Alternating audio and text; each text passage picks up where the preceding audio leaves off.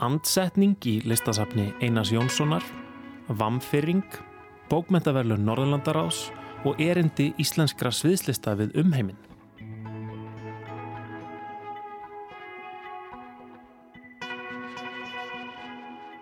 Í Vísjá í dag kíkjum við á nýja síningu sem að nefnist Andsetning og er uppi í listasafni Einars Jónssonar. Þar sína Anna Halín og Olga Bergmann rýmist tengd vídeoverk sem að eiga í samspili við hugmyndir og högmyndir Einars Jónssonar og við bygginguna sjálfa. Við breyðum okkur til Hollands og skoðum hvað söfn þar í landi ætla að gera í tilefni af 350 ára ártíð málarans Rembrandt og Gauti Krismansson rínir í Vamferingu eftir Þóren Eldján, bók sem kom út fyrir síðustu jól. Og áfram haldum við að velta fyrir okkur kynning og íslenskum listum Erlendis. Nú verður rætt við Byrnu Hafstein, forsetta Sviðslistasambands Íslands, um erindi íslenskra sviðslista við umheiminn. En við ætlum að byrja í Gunnarshúsi. Fyrir í dag voru þar tilkynntar tilnefningar til bókmentaverluna Norðurlandarás árið 2019. Við gefum Sunnudís Mástóttur orðið. Komiði sæl og velkomin hingað í Gunnarshús á þessum skemmtilega degi þegar við tilkennum tilnefningar til bókmentaverluna Norðurlandaráðs 2019. Ég heiti Sunnadi Smástóttir og er fulltrúi Íslensku velunanemdarinnar. Ég ætla að byrja á því að tilkynna hvaða tvö verk við tilnefnum í ár á Íslandi og svo ætla ég að lesa listan yfir tilnefnd verk frá hinnum Norðurlöndunum. Í ár tilnefnum við eina skáldsögu og eina ljóðabók. Það er skáldsagan Elín Ímislegt eftir Kristínu Eiríksdóttur og ljóðabókin er Kongulær í síningarglöggum eftir Kristínu Ómarsdóttur. Ég ætla að byggja Kristínu Eiríksdóttur að koma hinga til mín og fá að taka móti blómvendi og Kristín Ómarsdóttir er stött Erlendis þannig að við fáum staðgengil hennar hingað í staðin og gjör svo vel. Til hamingju.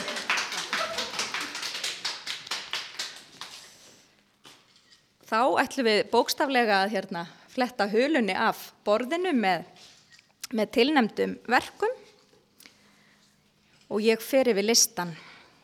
Frá Noregi eru tilnemdar tvær bækur, það er ljóðabókin Det er berre eitt spörsmól om tíð eftir Eldrid Lundén og uh, sjálfsæfi söguleg bók sem heitir Jeg lever et liv som ligner deres, en levnetsbeskrivelse eftir Jan Grue. Finnland tilnefnir tvær bækur, tvær skáldsögur, það er Tristania eftir Marianna Kurto og Der musiken började eftir Lars Sund. Danmörk tilnefnir skáldsöguna Di eftir Helle Helle og smásagnasafnið Eftir Súlun eftir Jónas Eika. Svíþjóð tilnefnir ljóðabókina Nonsensprinsessans dagbúk en sjukskrivning og skáldsöguna Människan er den vackraste staden eftir Sami Said. Nonsensprinsessas dagbúk er eftir Isabella Nilsson. Samíska málsvæðið tilnefnir uh, ljóðabókina í Datleat Datkana eða Þetta er ekki Danjúda eftir Inga Rafna Eira. Álandsegjar tilnefna skáldsöguna Det finns inga monster eftir Lísilott Vilén. Og Grænland tilnefnir uh, smásagnasapn og ljóð bókina Die Víðu löpeskú eftir Pivinguak Mörgs. Það eru bækurnar í ár. Til hamingju höfundar og takk fyrir mig.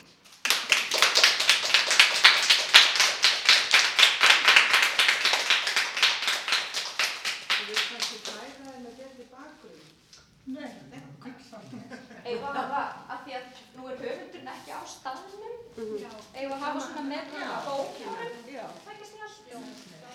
Ef ég má, Kristín. Þegar var hringt í þig, hvernig brástu við? Bara svona, hérna, tók svolítið tíma svona að hérna, skilja það sem var verið að segja og svo bara ofsalega gleði. Mm. Já. Þú varst ekkert, þér var ekki orða vant, þú sagði bara já takk. Já, ég sagði bara takk fyrir mig. Og hvernig við gengið að þeia yfir þessu í svona langan tíma? Þetta var ju snem sumar sem að uh, þú endalega hefur vitað þetta eða hvað? Jú, ég, ég er svolítið nokkuð góð með lindamál sko, þannig að hérna, þetta var ekkert mikið mál. Mm. Og uh, ert ekki frekar ánað með að vera við hlið uh, Kristínar Ómarsdóttur? Það er náttúrulega bara alveg storkoslegt að fá að, hérna, að gera þetta með henni, hérna, minni miklu fyrirmynd og, og vinkonu, Kristín Ómarsdóttur. Þannig að þetta er bara fjör líka. Hefur eitthvað getað kíkt á þýðinguna? Ég heyrði þú talar alveg dansku. Já, ég las þýðinguna yfir og hérna hann þýðir bókina uh, Kim Lembeck sem er vanur þýðandi og alveg ofbóðslega fær. Mm. Þannig að ég var mjög ánað með, með þýðinguna og hérna og mér fannst jafnvel sko að hún væri kannski svolítið dönsk aðalpersona. Það var svona meikaði eitthvað sans á dönsku sko. Þegar þú segir það, þá held ég þetta sér rétt. Já, það er eitthvað, eitthvað þarna sko. Og líka bara það sem ég hafði ekki tekið eftir var að það er svo mikið talað um Danmarku í bókinu. Mm. Einhvern veginn hafði ekki kveikt á því fyrir ég lasan á dönsku. það er alltaf eitthvað danst, bollastell og danst þetta og hitt sko. Mm. Dönsk, svona síkarettu rulluvél. Hjertanlega til að hafa mikið Kristín. Það getur orðið aldrei annarsamt uh, hálft ár framöndan fram í oktober. Já, þetta er bara, ég bara hef ekki gert þetta aður, þannig að ég veit ekki hvað gerist næst, en hérna, þetta er mjög skemmtilegt og ofbúslega hérna, gleðilegt. Takk. Takk. Og þarna heyrðum við Jórunni Sigurðardóttur ræða við Kristínu Eiríksdóttur um tilnefninguna. Hún er tilnefnd til bókmyndaveluna Norðurlandaráðs eins og nafna sín Kristín Ómasdóttir sem er víst í París.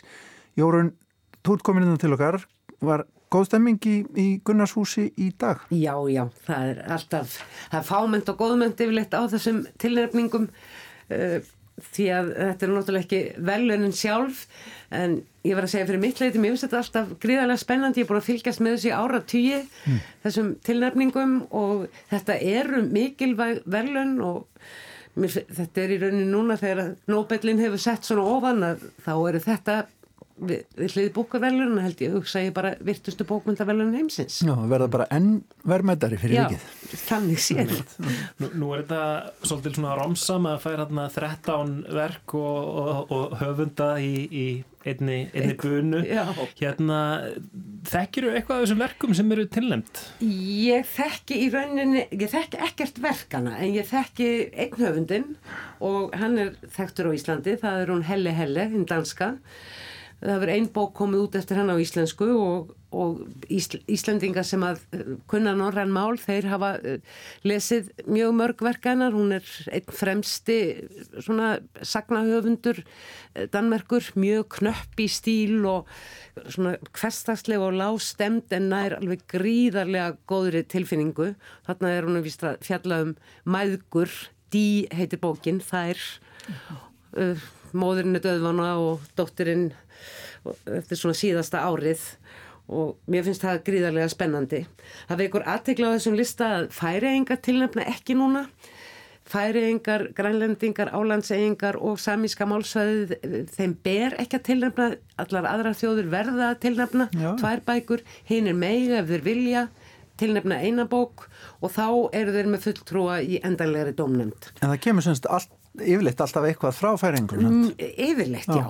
já. Og Svo þeir hafa verið með mjög sterkar bækur undanfærið og ég þreytist nú ekki á að, að halda því fram að þeir hefðu oftar, uh, þeir hafa aðeins tvissunum fengið velunin en hefðu sannarlega verið með áttu bækur sem að voru velunina verði. Hefur mér fundist. En það er mjög erfitt að spá í þessi velun því að jú oft reynda en það hefur oft komið fyrir að til dæmis við ör, auður Ólastóttir, auður af að fjekk veluninni fyrra, það kemur ekki til með að koma í vekk fyrir að við getum ekki fengið þau aftur á næsta ári í Stokkólmi Nú farið þið yfir þetta í orðum bækur alltaf reglulega á hverju ári yfir þessar tilmningar og segið hlustundum frá. Mm. en hvernig líst, hann er kannski miljón dólar spurningin, sko, hvernig líst þér á val Íslendingi ár? Mér líst mjög vel á það og þetta voru svona bækurnar frá árinu 2017 sem svona sveimuði í huga mér helst. Uh, það var hann fanta stert bókmynd ár síðasta ár. Það var ekki alveg einn stert þar að segja reynlega í magni árið 2017 og við höfum þetta svigrum að tilnæmna bækur uh, sem sagt tvö ára aftur í tíman og það er nöysinlegt vegna þess að það þarf að þýða þessa bækur. Við erum líka alltaf fyrst dom, íslenska domnendin skilar fyrst af sér vegna þess sama að það þarf að þýða bækurnar. Mitt. og það er búið að þýða uh, báðar þessa bækur. Og þessar tilnefningar uh, bæði Kristín Ómas og Kristín Eiríks uh, þær hafa verið þýttar yfir á Norrlandu tungumálinn uh, bara held ég all flest og fleiri en einn bók þannig að það kemur þeim örgulega vel. Einmitt. hægt að kynna sér að er betur heldur en bara þessum bókum sem eru jú fram á skarandi. Einmitt En þið ætlaði að skoða þetta betur, er það ekki í Jú, ég ætla aðeins að skoða betur uh, tilnefningarnar. Uh, ég gæti trúa að, uh, að grænlendingurinn, unge maðurinn sem nú er tilnefndur með hvita hlaupaskó, hann sé kannski yngsta skáldi sem hefur verið tilnefnd. Hann er fættur 1993. Já. já, já. Ég veit það ekki, ég ætla að aðtöða. Ungu maður og uppleið. En takk fyrir að vera að fluga á vegg í Gunnarsús í dag fyrir okkur jólun.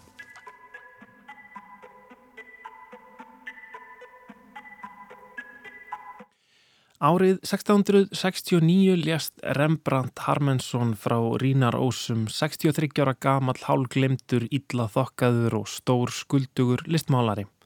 Nú, 350 árum síðar er hann minnst um allt Holland og víðar með síningum, viðburðum og viðhafnar útgáfum. 350. ártíð Rembrandts, eins allra mesta málara hollensku gullaldarinnar, þessa mikla meistara ljós og skugga sem var jafnvígur og málverk, teikningu og ætingu. Portrétt, raunsæðislegar mannlífsmyndir og trúarleg þemu. Allt Holland rifja nú upp listaverkans með síningum í Amsterdam, Den Haag og fæðingaborginni Leiden. Háttíðin hófst fyrir alvöru í síðustu viku þegar opnaði í Rijksmuseum í Amsterdam, ríkislistasafni Hollands, síning á öllum málverkum eftir Rembrandt í eigu Sapsins. 22 málverk, 60 teikningar og 300 prentverk. Fjölbreytt verk sem skrásetja hollensku gullöldina, 17. öldina þegar hollendingar áttu ótrúlegt blómaskið í viðskiptum her og nýlendubröldi, vísendum og listum. Þegar síningunni líkur í sumar hefst fyrir opnum tjöldum nákvæm rannsókn, kortlagning, efnagreining, hreinsun og lagfæring á helsta málverki málarans. Því verki sem laðar flesta gesti að Ræksmuseum á degi hverjum, hinn er risastóru og tilkomu miklu næturvakt. Herdeldinni sem undirbýr sig mögulega fyrir átök að degi til þó að gælunafn verksins gefi annað til kynna. Óvinnlegt þykir að sapgestir munu fá að fylgjast með vinnu forvarðana sem mun fara fram í hálgerðu glerbúri í miðju sapninu, auk þess sem streymt verður beint frá vinnunni á netinu. Líklegt þykir að lagfæringarnar muni taka nokkur ár. Í haust opna svo önnur veglegsýning á sapninu sem unnin er í samstarfi við Prado-sapnið í Madrid en þar verða skoðu tengsl Rembrandts og annars helsta evróska meistara 17. aldarinnar, spánverjans Velázquez. Líkindi og mismunur stíls í myndlist söður og norður Evrópu á 17. öldinni verður helsta viðfangsefnið en síningin verður einnig skreitt með verkum eftir aðra meistara aldarinnar. Og víðar í Hollandi verður fagnað í Den Haag er eitt mikilvægasta sapnverka Rembrandts í heiminum og þar í kastalanum Máritshús verða átján málverk til sínis, meðal annars lífræði tími hjá Nikolas Tulp Lækni sem sínir læknanema beigja sig yfir nakin líflausan líkama sem er skorin upp af kennaranum. Í fæðingaborg Rembrandts Leiden verður einnig aðteglisverð síning á yfir 40 málverkum frá fyrsta áratug ferils málarans. Þetta kuð vera fyrsta síningin sem tekur saman verk frá og rekur þróunna á þessum fyrstu árum á ferli Rembrandts. En þarna verður meðal annars til sínis elsta þekta verkið eftir málaran Glerögnasalinn frá 1624. Sýningin ferðast svo yfir Norðursjóin og inn í Asmolean sapnið í Oxford. Nokkur fjöldi verka eftir Rembrandt hefur endað í Breitlandi í gegnum aldirnar og þar verður ártíðarinnar einnig minnst. Í Dulwich Picture Gallery í London er stemt á að varpa nýju ljósi á nótkun Rembrandts á ljós og skugga í myndum sínum. Og dánaramalinu er einnig fagnað hinum einn á nettinum en í útibúi Louvre í Abu Dhabi opnaði í síðustu viku síningum hollensku gullöldina með sérstaka áherslu á Rembrandt og Vermeer. Já, árið 1669 lést Rembrandt Hermansson frá Rínarósum 63 ára gamall, hálglemtur, íllaþokkaður og stór skuldugur listmálari. Nú 350 árum síðar er hann minnst um allan heim með síningum, viðbörðum og viðhafnar útgáðum. Eða átt leiðum Holland í ár hlustandi góður væri það vel þessi virði að njóta magnara verka Rembrandts á einni af þessum fjölmörgu síningum sem standa yfir um þessa myndir. Já, það var Kristján sem að veldi Rembrandt gamla fyrir sér. Það eru auðvitað alltaf góð ástæða til að fjallum hann í útvarpi. En yfir í myndlistina upp á skólaverðu holdi stendur sapn Einars Jónssonar. Þar hafa Olga Bergmann og Anna Halín komið upp síningu á síðustu dögum, síning sem heitir Andsetning, þetta er nokkuð dölaföllt nafn, en ég hitti þær önnu og olgu í safnin í dag, við tókum okkur stöðu í bláa móttökusalnum stóra í safninum innanum stittur einas þar var ný alda aldana skulum heyra hvað okkur fórum melli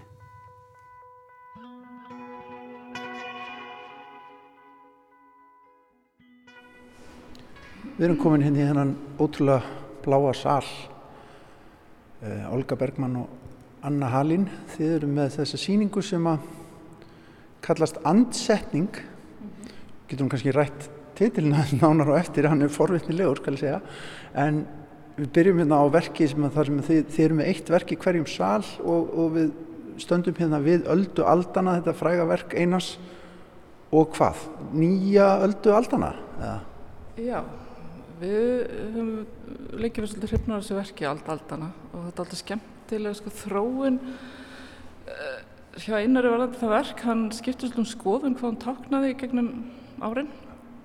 Og frá því að vera meira náttúrutengt fyrirbæri og reynda að kalla svona skýstrokkur fyrst þá uh, taldi hann um fjalla meira um uh, einhverja viðleitni manneskinu að ná aðrið þroska.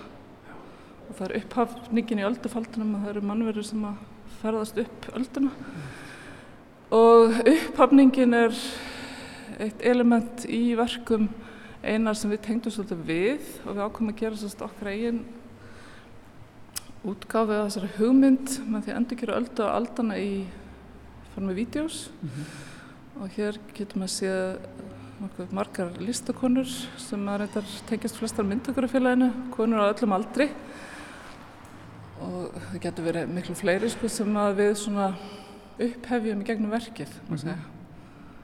Við lýsum þessu einhvern veginn þá verðast þær svífa upp eftir höldunni og hérna hverfa svo að lokum, þetta er vídeo svona lupa sem að gengur svo í ringið þetta er að hverfa okkur sjónum akkurat núna en svo byrstist hann aftur en hérna Anna, hvernig var að bara hugsa verkinni þetta rými? Var það ekki doldið snúið? Sko, við niðurstafum að frekar fljótt að við alltaf nota vídeo. Mm.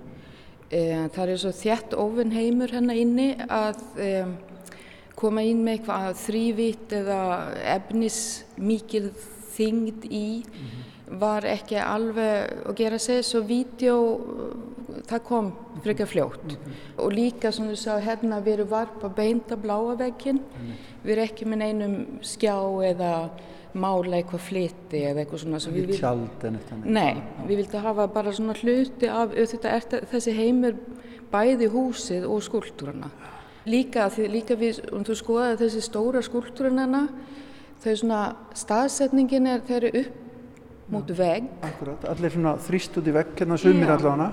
Og þarna að því, þá er líka mann hugsa þrývitverk er alltaf bjóð upp á reyfingu Já og þá er maður langar í raunin að lappa kringum, það er eitthvað svona bara líkamslegt sem gerist. Fór reyfingin mm. og hljóðverk, við með hljóðverk þannig niður í líka.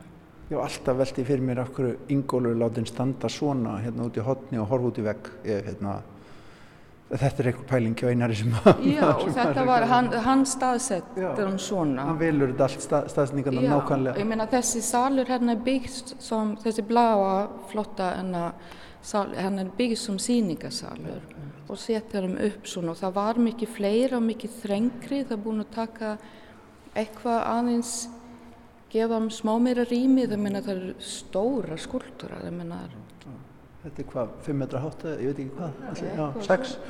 Eða við kíkja kannski niður og sjá, sjá fleiri verk hjá okkur.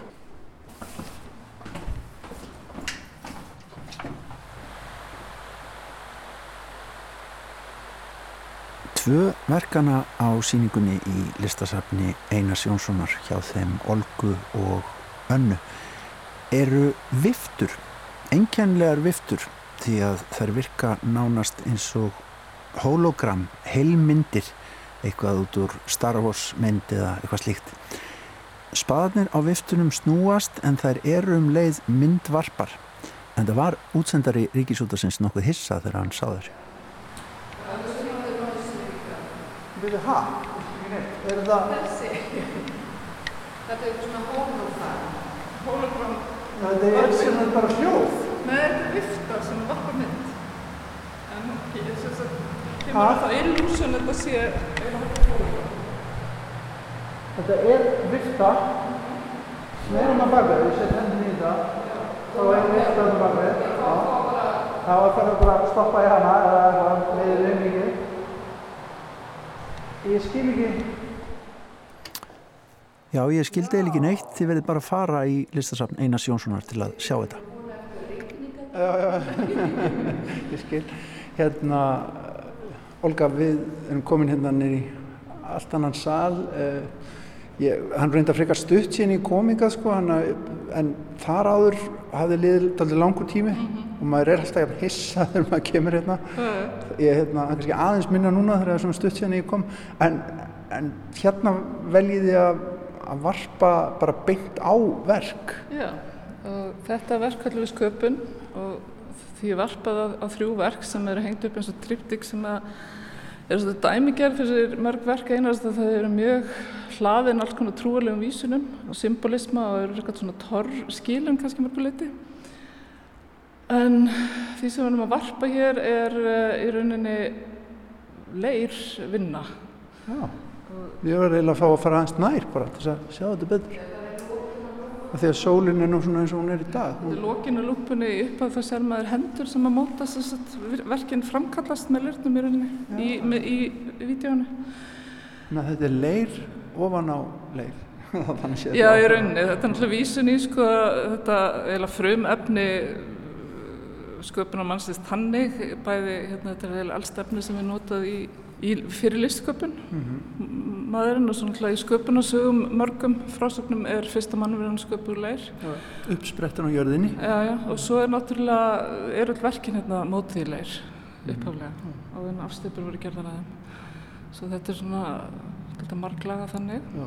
og það kemur þessi reyfing sem er alltaf interessant maður, allt henni fer þetta verka það reyndar akkurat stopp núna því að lúpan er búinn hérna en það fer, að, það fer á reyfingu og það er alltaf skemmtileg pæling. Svona öðru sér líf, það er aftur að hreyfa við, sko, þetta er náttúrulega svona statískur heimur hérna og, og, uh, og eins og ég kannski ekki mjög, á, ekki mjög aðgengilegur svo að við erum svona aðeins hrærum í andrúsloftinu líka með þessum verkum.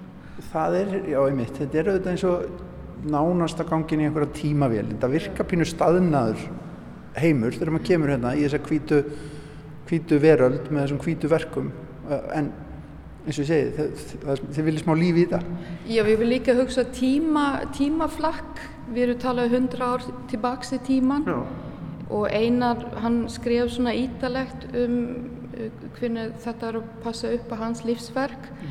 En hann skref þetta ekki neitt um vídeo, að því vídeo var ekki til og þá á þann tíma. En svo sem man líka strax hugsa það verður svona dualist, man fer tilbaks í tíman 100 ára og þá man hugsa 100 ára fram í tíman hvernig lítur myndlistin út þá. Eh, hvað erum við að nota þá sem við getum ekki einu svona ímynda okkur núna? Það eru þetta eitthvað sem man tekur alveg fyrir sjálfsagt eftir 100 ár líka með þessi eh, bara gríðarlega vinna, mann sér þannig að hann er búinn að leggja, þú veist, mann hugsa bara eins, svona hvað mikið leir, þú veist, magnin bara þyngdin. Akkurat. og þá er þetta líka svona hugsað með vinnuna með svona líki bakvið líka Þetta er allt í stórum skala hérna sem já, hér er. já, alveg mjög stóru skala. Ég meina þetta verk líka hér þannig að Nú sér maður þetta betur, já, akkurat, hvernig þetta er að byggjast upp hérna sem er fyrir framann okkur. Eh, maður fer rosalega mikið að hugsa um tíman á svona stað. Já. Maður kennst ekki undan því. Þetta er, ég hvað maður að segja, svona bara hvernig hlutirnir sumt morgnar og deyr og, og annað stendur nánast um eilíð líklega þá. Já, já, og svo líka náttúrulega vísanir og skilning sko á þessu listaverkum, hann náttúrulega var uh, áhuga á andlegum málefnum og var í Guðs, hérna, félag Guðsbyggjafélaginu og, og fekk síaukin áhuga þeim efnum með aldranum sko. og spiritismi og Guðsbyggi kannski ekki uh, neitt sem fólk tengir neitt mjög við í dag sko, svo við vorum svona aðeins að velta fyrir okkur hvaða tengingar maður geti fundið sjálfur í samtímanum sem samtíma listamæður við einhverja hugmyndir um andleg andlega nálgun líka. Og það er kannski líka svolítið í tillunum andsetning. Þarna kom það, já. já ég, ég fór bara að hugsa um einhvers konar, hérna, já, hvað heitir það, að kalla út hérna, illa anda og, og slíkt, sko. Einhver væri andset inn. Einmitt, kannski orðið hefbundnar hefbundi túlkun á því núna svona horror en, En þeir vilja setja andan í verkin. Já, svolítið kannski koma inn með okkar orku og anda og það verður eitthvað svona núningur, eitthvað, eitthvað nýtt orkusvið sem myndast. Það sem að, þetta er svona samtal sem er bæði einhvers konar tímaflakk og líka eitthvað svona núningur á milli samtíma og fortíðar og, og kannski svona karllags myndheims og svona kvannlags. Þið komið með kven, kven, kvenlegu vítina. Lektur feminísku þráður kannski sem er verka hérna.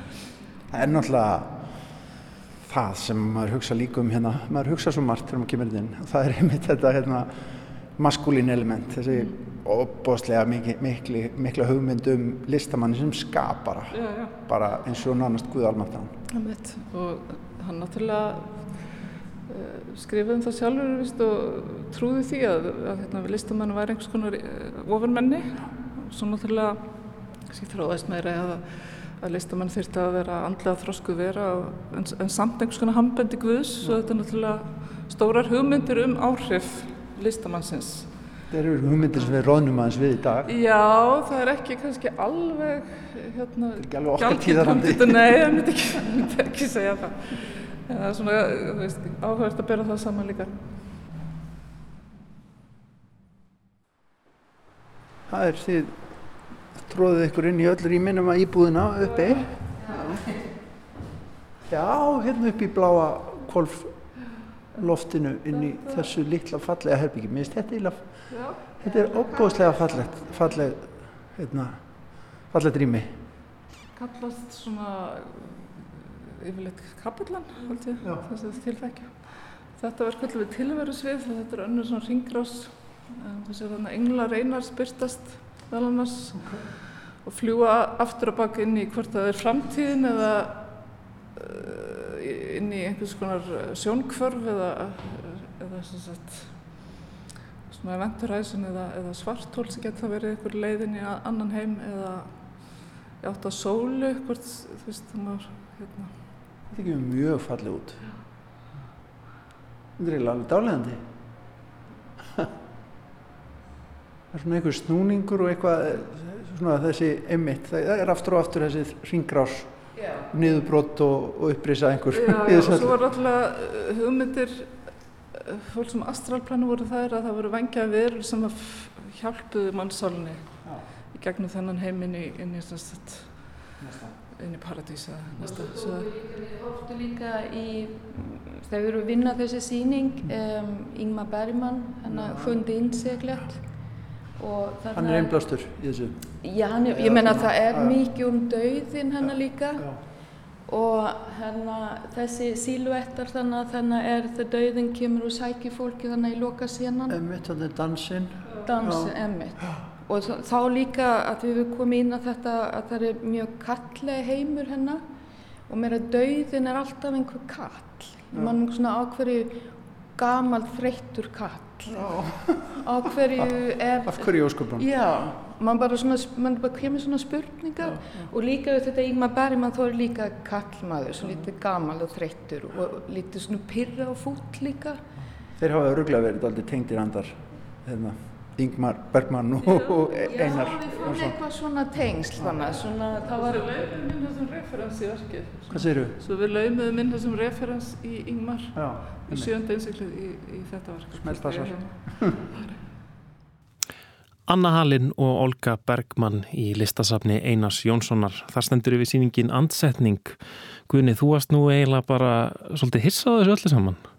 Já, jú, sko, ég var aldrei hissa á þessum, þessum hérna, viftum sem eru aðna og eru mjög forvittnilegar að sjá.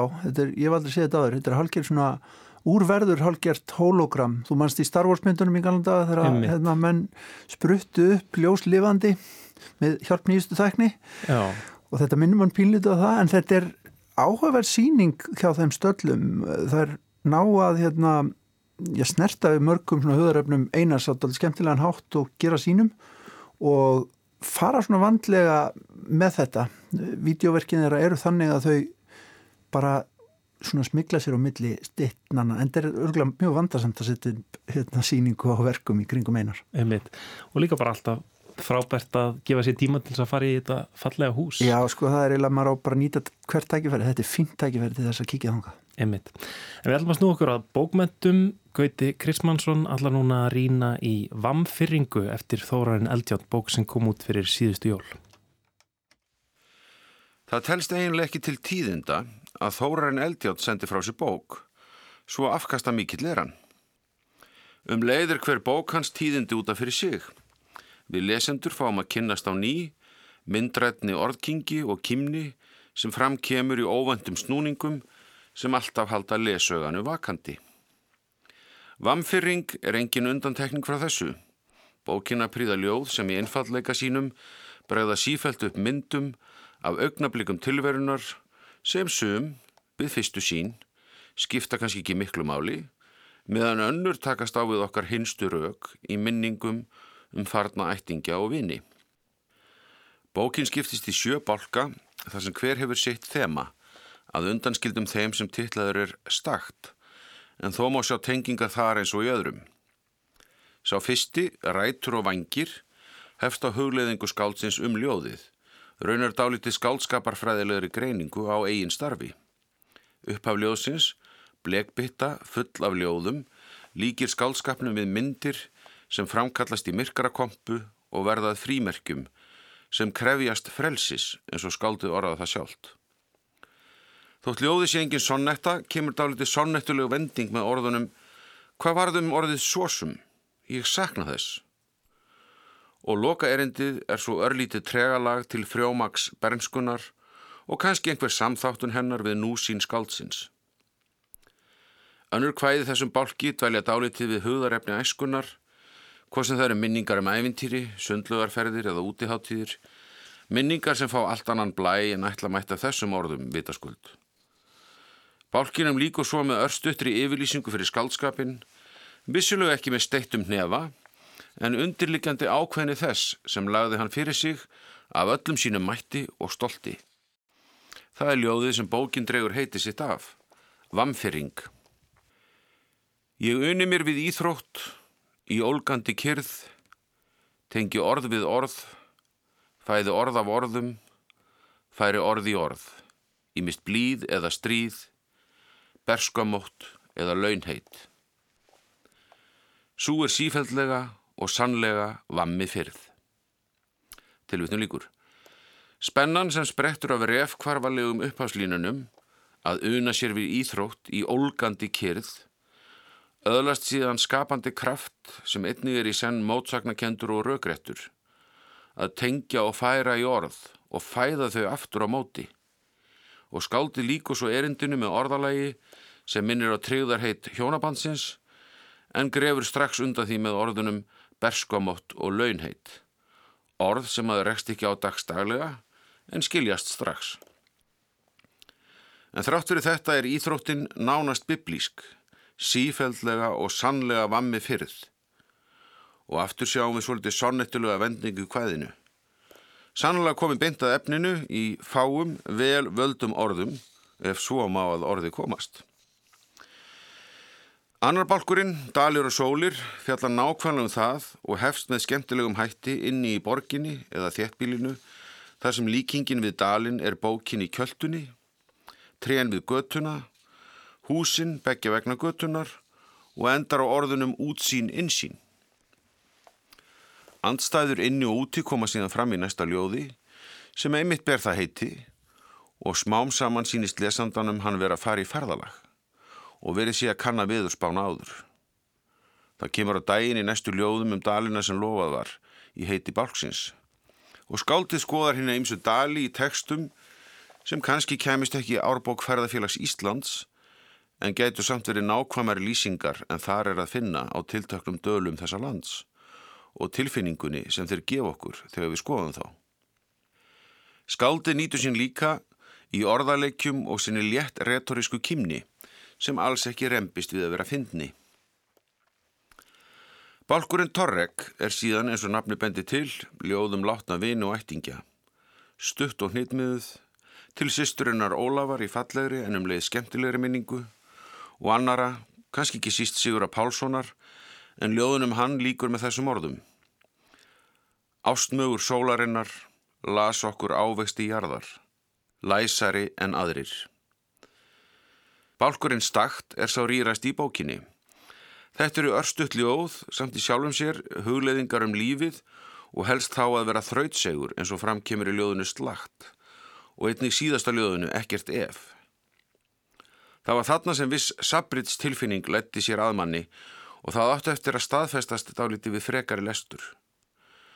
Þannig var bálkurinn varningur kannski ekki mikið burðar meiri en sá sem á undan kom, en skartaði þó töluvert betri myndum og kymni í þýðingu döðs varnings yfir í tilverun og lífið.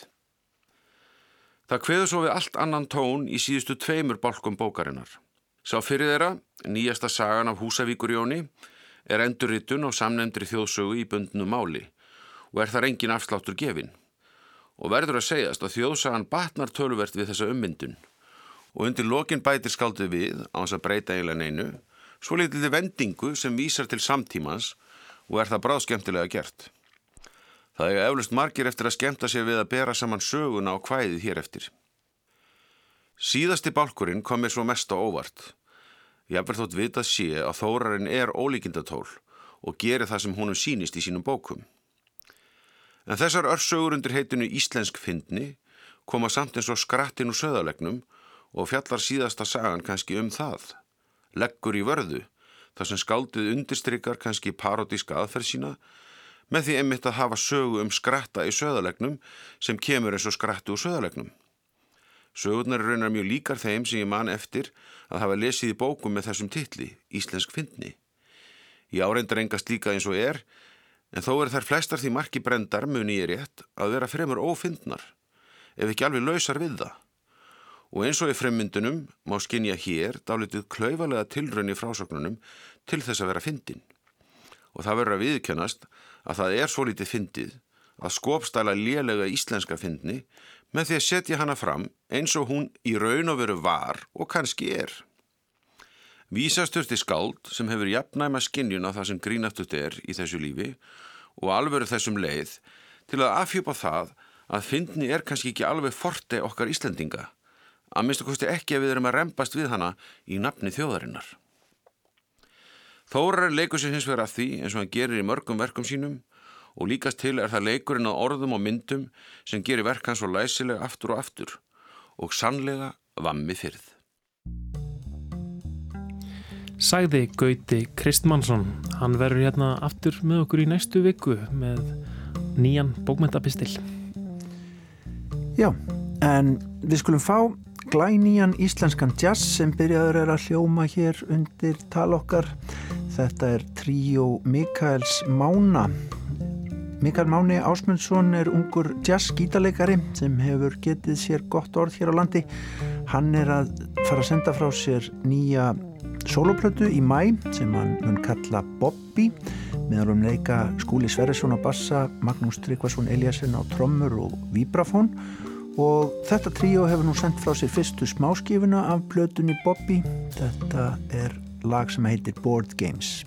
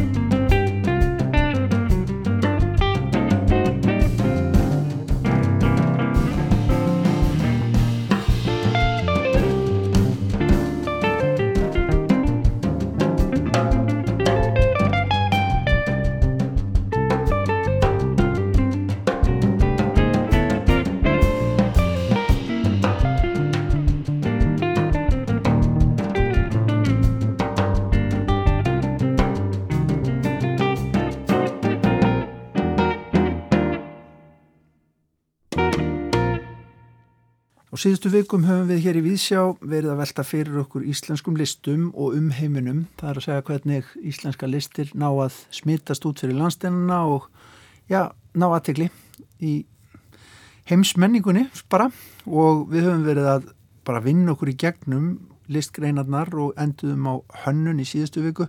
Það er reyndar ein listgrein svona af þessum stóru sem við höfum ekki nefnd og það eru sviðslistinnar. Sviðslista sambandið sérum álumni sviðslistarinnar gagvart stjórnvöldum á Íslandi og hingað komin fórseti þess.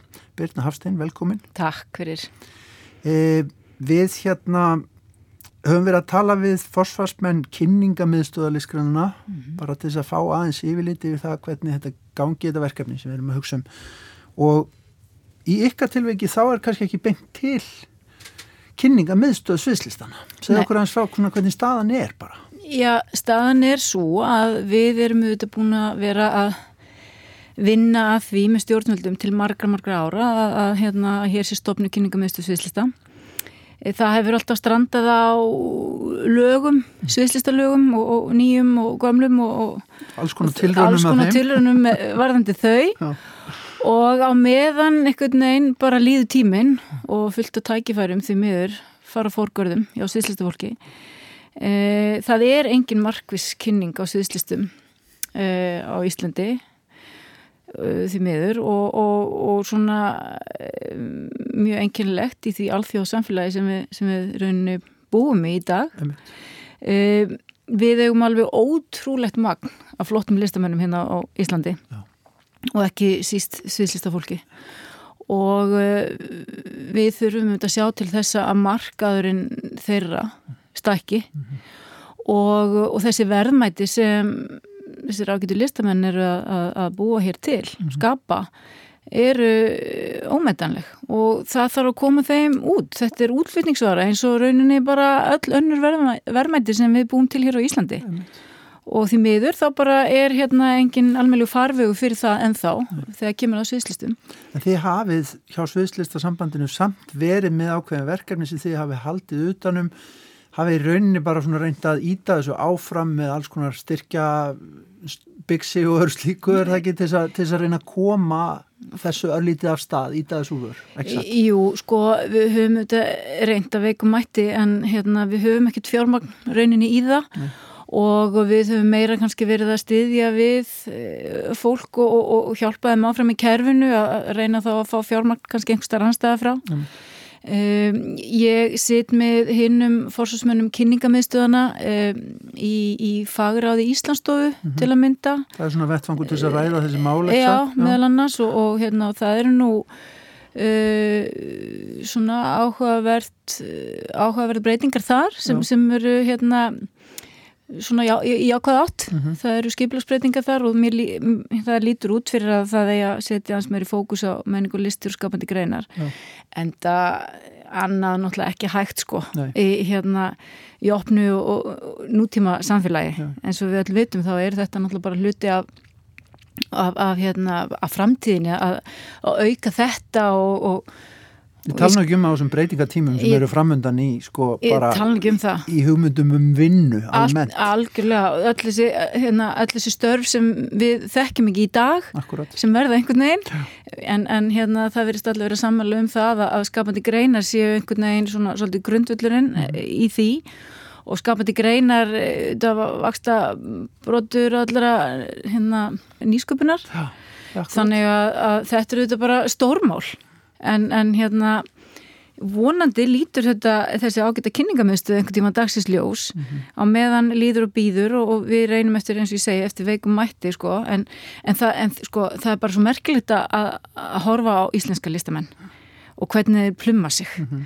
og ef maður horfir bara á sviðslistunar að það líður ekki sá mánuður að það sé ekki einhverja fréttir af af okkur stórkastlega sviðslistafólk einhverjum út í heimi að gera alls konars svo Þorlefur og Mikael Torfarsson út í Þýskalandi þeir eru núna hérna út í Oslo Ólafur Darri. Mm.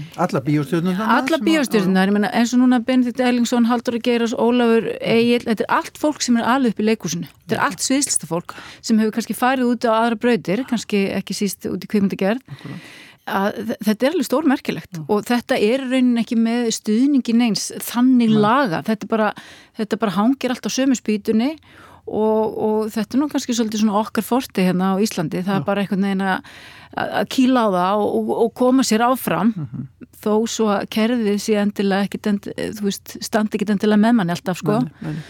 En, en maður getur bara þá rétt ímynda sér ef að það erðu sett eitthvað alvöru fjármagn í að stiðja því sviðslistur og koma þessum hérna, verðmætum hérna, áfram ja. og, og, og uh, leifa öðrum einhvern veginn að njóta þeirra líka. Mm -hmm. Aðeins um þetta, sko, maður skilur þetta að, að fólk fara út í heim og, og komund sér fótunum í erlendu leikhúsi eða í kvikmyndum öðru slíku og gangi vel en ef við hugsaum þú nefndir á þann að þetta væri útflutningsvara og þá fyrir maður að hugsa líka um leikritun mm -hmm. uh, er engir tálmar í þeim vegi til dæmis bara út af því að við erum hérna í okkar málsamfélagi og slíku þegar það kemur að útflutningi á sko hvað maður segja, sviðslistum við erum auðvitað að gleyma því erum ekki að gleyma því að þetta er dans og allt mögulegt sem Já, liggur undir. Þetta er bara, þetta er bara alls konar. En þetta er tungumál spurtmál til dæmis, er það ekkert svona það er ekkert fyrir? Nei, sko ég held að sko ég held að hérna áður fyrir hafi tungumáli verið hérna mm -hmm. þvælst fyrir. Já. en ég held að núna sé bara hipp og kúl sko.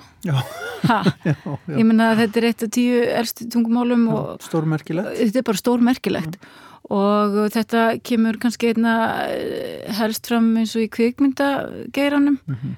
e, þar sem tungumáli var alltaf þvælast fyrir áður fyrir núna er bara virkilega sóst eftir hérna íslenskum sjónserjum út um allan heim. Já og, uh, það er bara veist, flott að tala íslensku. Ja.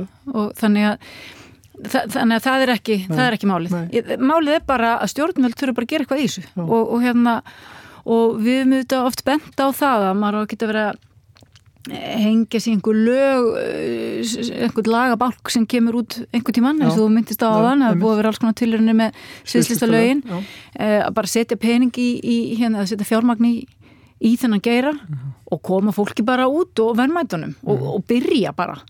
Veist, það hefur svona, það hafa skilabóðan verið út úr bransanum. Já. og hérna, og svo sem ekkert skrítið. En hérna, en auðvitað er þetta best þegar allir bara e, þú veist, stiga saman inn, í, inn í einhverjum svona vinnu og, og mér skilt að sé að verða að vinna eitthvað af þessu núna inn í mentumálraðanuti og það er óskandið að komið þá bara eitthvað jákvæmt út úr því. Já en, en það er ekki að líta fram hjá þessum stórkoslu verðmættum og, og bara hvað þau gera mikið hér og, og, og maður vil auðvitað bara deila þeim. Það hefur líka bara með sko, samkeppnishafni eh, okkar að gera. Já, sem samfélags sem samfélags og hérna veist, þetta er ákveðin samskiptamáti. Já, fólki er ekki hérna nema að sé blómlegt menningalíf, það er bara eiginlega þannig það er bara þannig, mm. þetta auðvitað er bara með vísinu og þroska og, og, og þú veist, ef maður svona fyrir að syndir aðeins á dýftina sko, mm. varandi samfélag já. þannig að já, það er bara óskandi að þetta hérna, verði veruleika í daginn mm.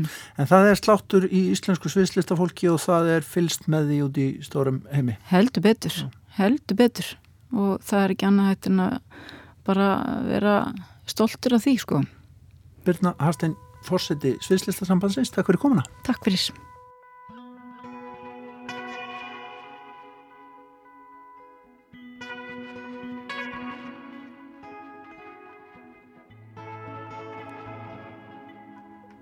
Og þar með ljúkum við þessu tal okkar um kynningar miðstöðar listgranna og hvernig það gengur að koma íslenskum listum til umheimsins.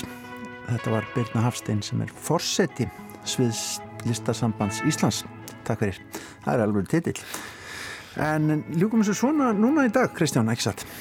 Gerum það og verðum hér aftur í næstu viku á þriðu dag Verðið sæl. Verðið sæl